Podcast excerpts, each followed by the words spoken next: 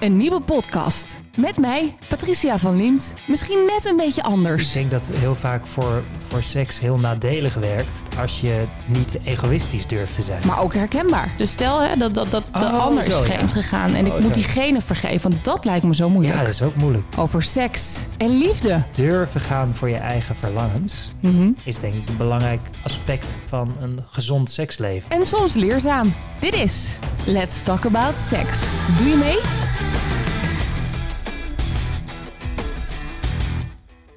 Wouter de Jong, eh, vind je het makkelijk om over seks te praten? Ja, best wel. Ja? Ja. ja, ik vind het meestal iets... Bij een podcast is het wel iets het idee van... oh ja, iedereen gaat dit horen, dat wel. Mhm, Dat hopen we dan. En jij vindt, wat vind jij ervan? Nee, ik vind het best wel lastig. Oké, Eh, met mijn vriendinnen minder. Eh daar praat ik wel makkelijk over seks met een wijntje erbij. ja. Maar zo hier met jou aan tafel, heel rauw eigenlijk. Ja, Op, wat is het vandaag, woensdagochtend. vind ik het best wel spannend. Ja. Waarom vind jij het makkelijk? Ja, de- ik denk dat ik van huis uit heb meegekregen. Dus wij waren altijd heel open thuis. En eh, ja, dat was eh, een heel normaal gesprek. Dus dat heb ik, ja, ik heb daar nooit echt eh, ongemakkelijk... ik vind het altijd wel leuk zelfs. Juist omdat het ook taboerigs heeft, vind ik het leuk om dat ja, te Beetje te provoceren. Ja. Maar je zegt, ik kan er thuis makkelijk over praten. Met je ouders, met je moeder, met je vader? Ja, En hoe dan? Hoe ging dat dan? Ja, dat, dat, dat was. eh, Bij ons was het ook niet. eh, ja, we, we deelden gewoon dingen van hoe, we- hoe het er thuis aan toe ging. Bijvoorbeeld, eh, oh, heb je, al, heb je gezoend met je vriendinnetje? Dan was het niet, eh, hou je mond. eh. Maar dan was het gewoon, ja. Bij ons was het ook echt niet een big deal dat je dan geheim hield als je voor het eerst naar bed met iemand was geweest. Maar liep je dan naar je moeder vroeg- toe? Of naar je vader? Wie was dan je vertrouwenspersoon?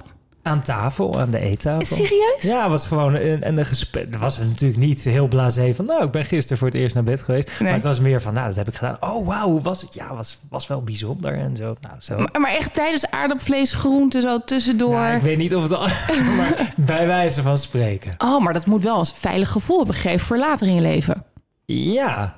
ja en dat ik maakt het dus waarom jij het makkelijker vindt of makkelijk vindt om over seks te praten. Ja, Ah, interessant. dat interessant. denk ik hoor. Ja, ik weet het niet, maar dat, dat is wat ik denk. Ja. Wouter de Jong, jij zit tegenover me. Eh, je bent de schrijver van eh, nou, de bestseller, kunnen we wel zeggen, Mind Gym, Sportschool voor de Geest. Mhm, En we kennen je natuurlijk ook uit GTST.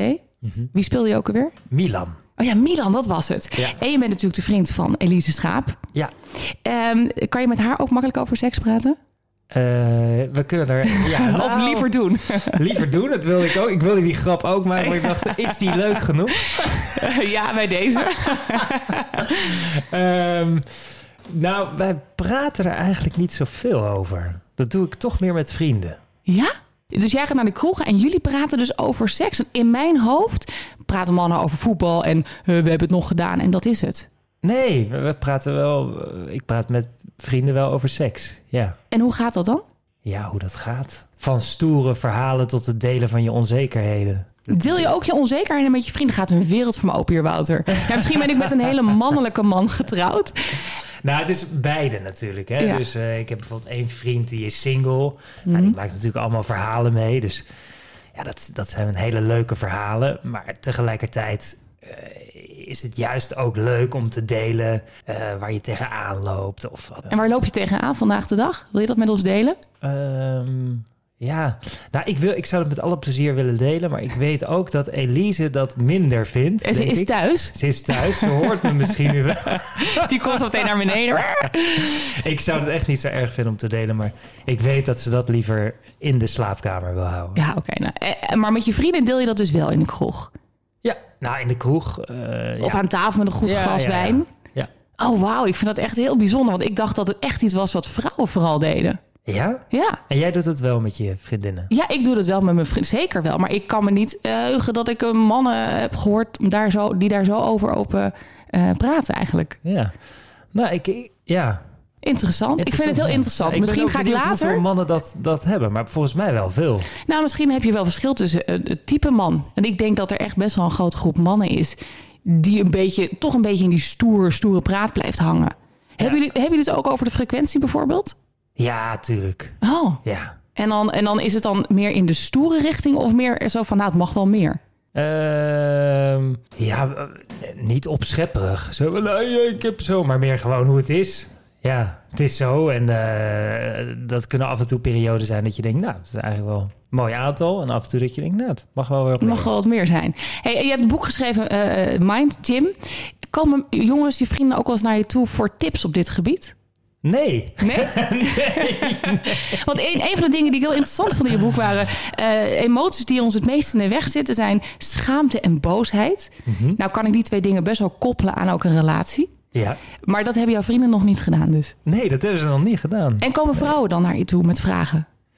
Heel vaak komen mensen naar toe met vragen over hoe ze met zichzelf omgaan. Maar vaak komen ze niet zo vaak met vragen over hoe ze met de ander omgaan. Oh, oké. dus Omdat we- eh, heel veel mensen associëren het trainen van je geest meer van alleen maar hoe je dat betrekking heeft op jezelf. jezelf. Ja, dat snap ik. Dat Terwijl snap ik. het is precies al, eh, je kunt het niet los van elkaar zien. Hoe je geest werkt is nauw verbonden met hoe je met anderen omgaat natuurlijk. Ja, want ik kan me voorstellen dat eh, als jouw geest goed werkt...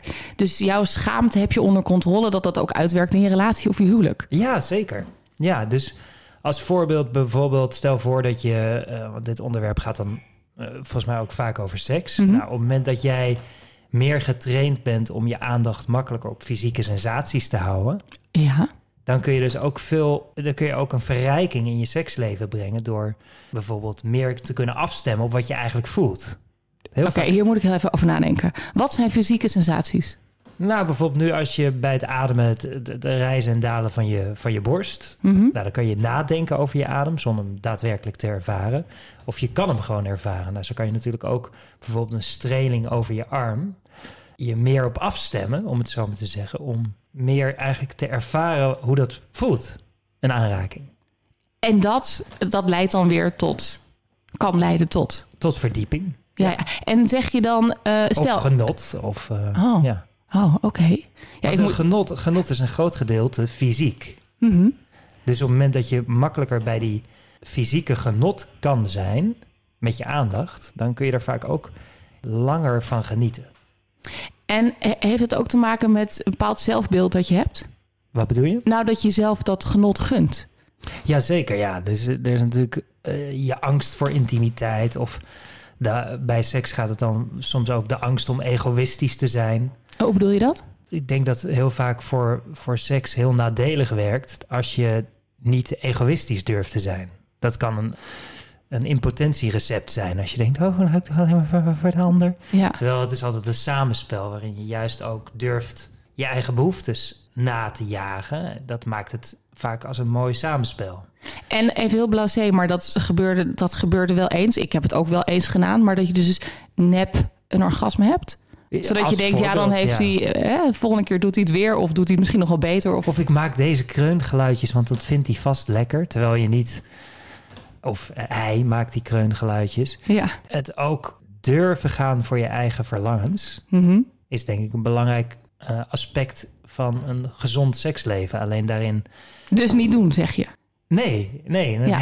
nee, dat- maar het, het is dus heel handig om een gezonde geest te hebben... of een heldere geest, zodat je dat makkelijker opmerkt. Want soms zit je ook midden in zo'n patroon... zonder dat je er het ziet. Of als je het wel ziet, dat je het heel moeilijk vindt om ermee om te gaan. Dus op het moment dat je door mentale training makkelijker mee om kan gaan... een andere verhouding mee kan opbouwen... Met jezelf. met jezelf. En als er zo'n patroon opkomt, Mhm.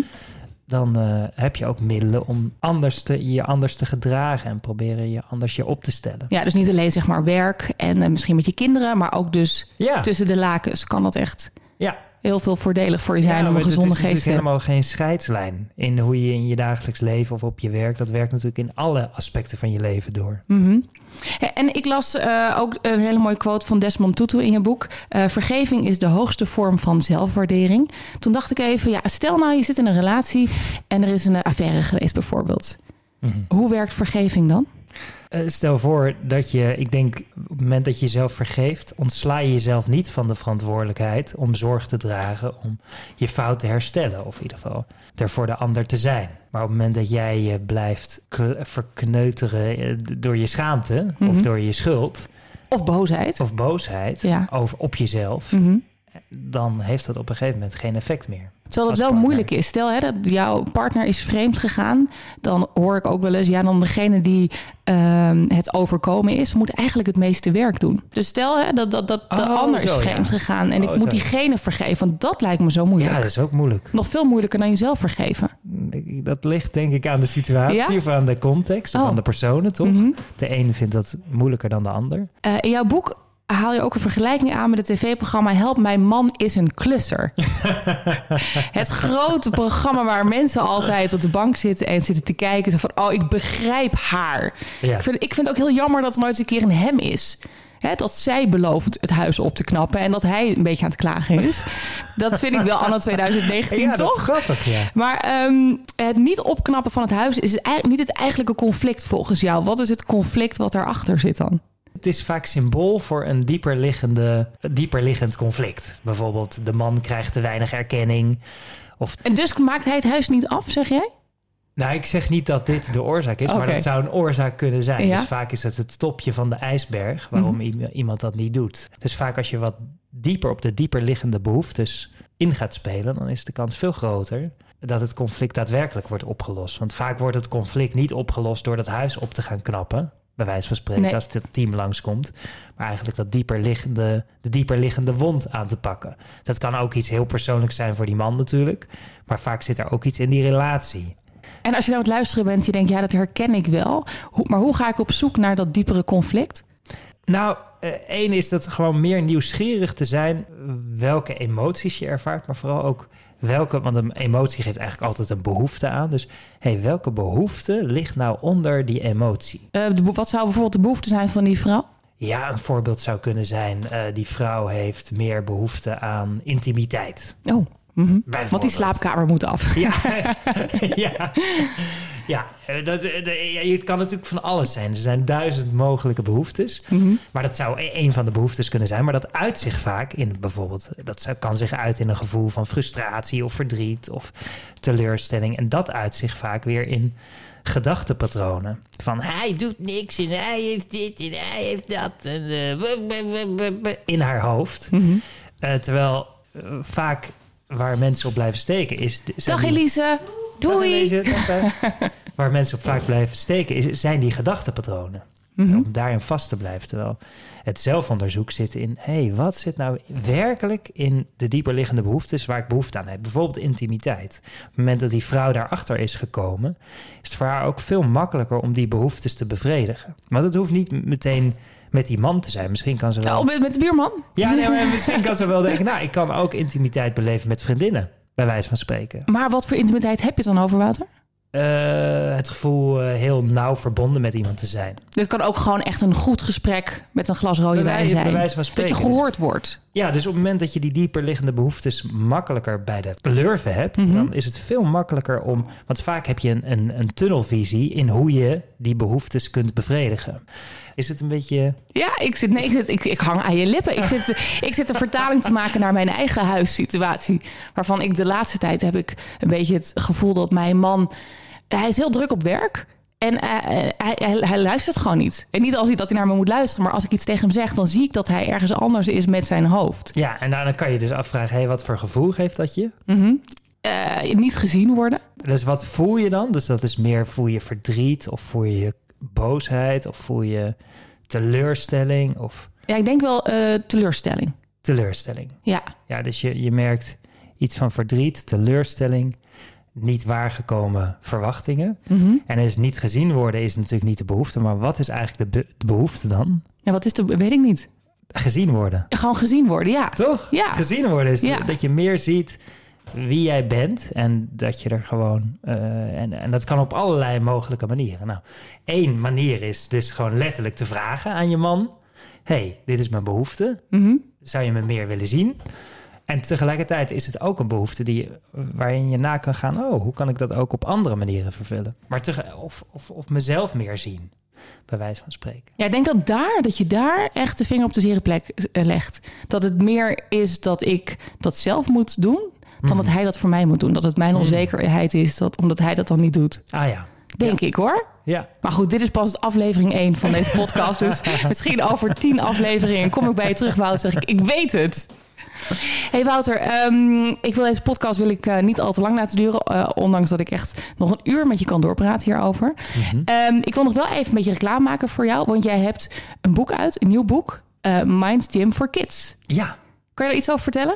Ja, dat is een. eh, kijk, we leren onze kinderen bijna alles, maar we vergeten vaak de gebruiksaanwijzing van een hoofd. Terwijl je wil als ouders wil je natuurlijk niets liever dan dat je kind lekker in zijn vel zit, verkrachtig is, zelfredzaam. Dus vandaar dat ik een eh, heel leuk doelboek heb geschreven waarin kinderen leren om eh, zich makkelijker te concentreren of minder te piekeren. Of, Kan je één tip geven?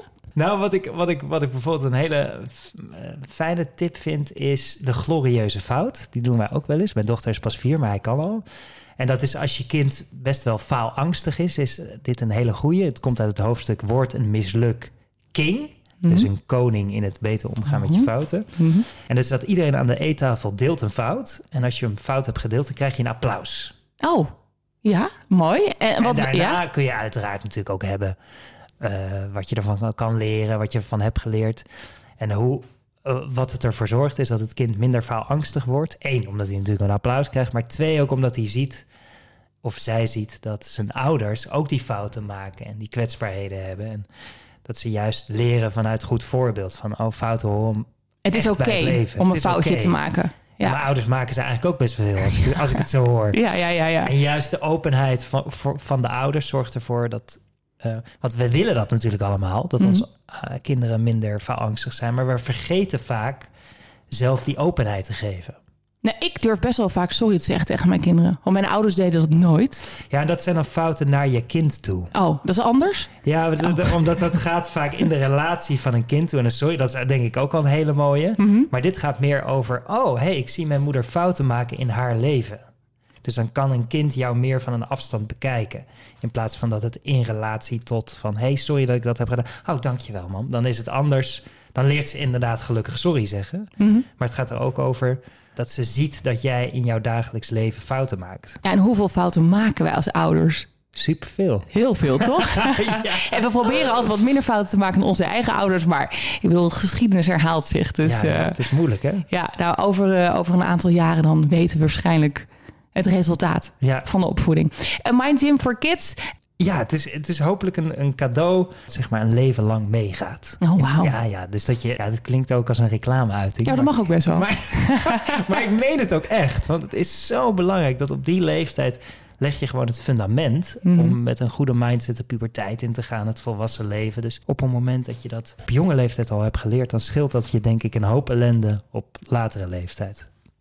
Amen. Wouter de Jong, mag ik je ontzettend bedanken voor deze eerste aflevering van eh, Let's Talk About Sex. Een nieuwe podcast. Eh, ik vond het geweldig. Kan jij nog eh, alleen even vertellen, heel kort het verhaal van de Bruine Wolf?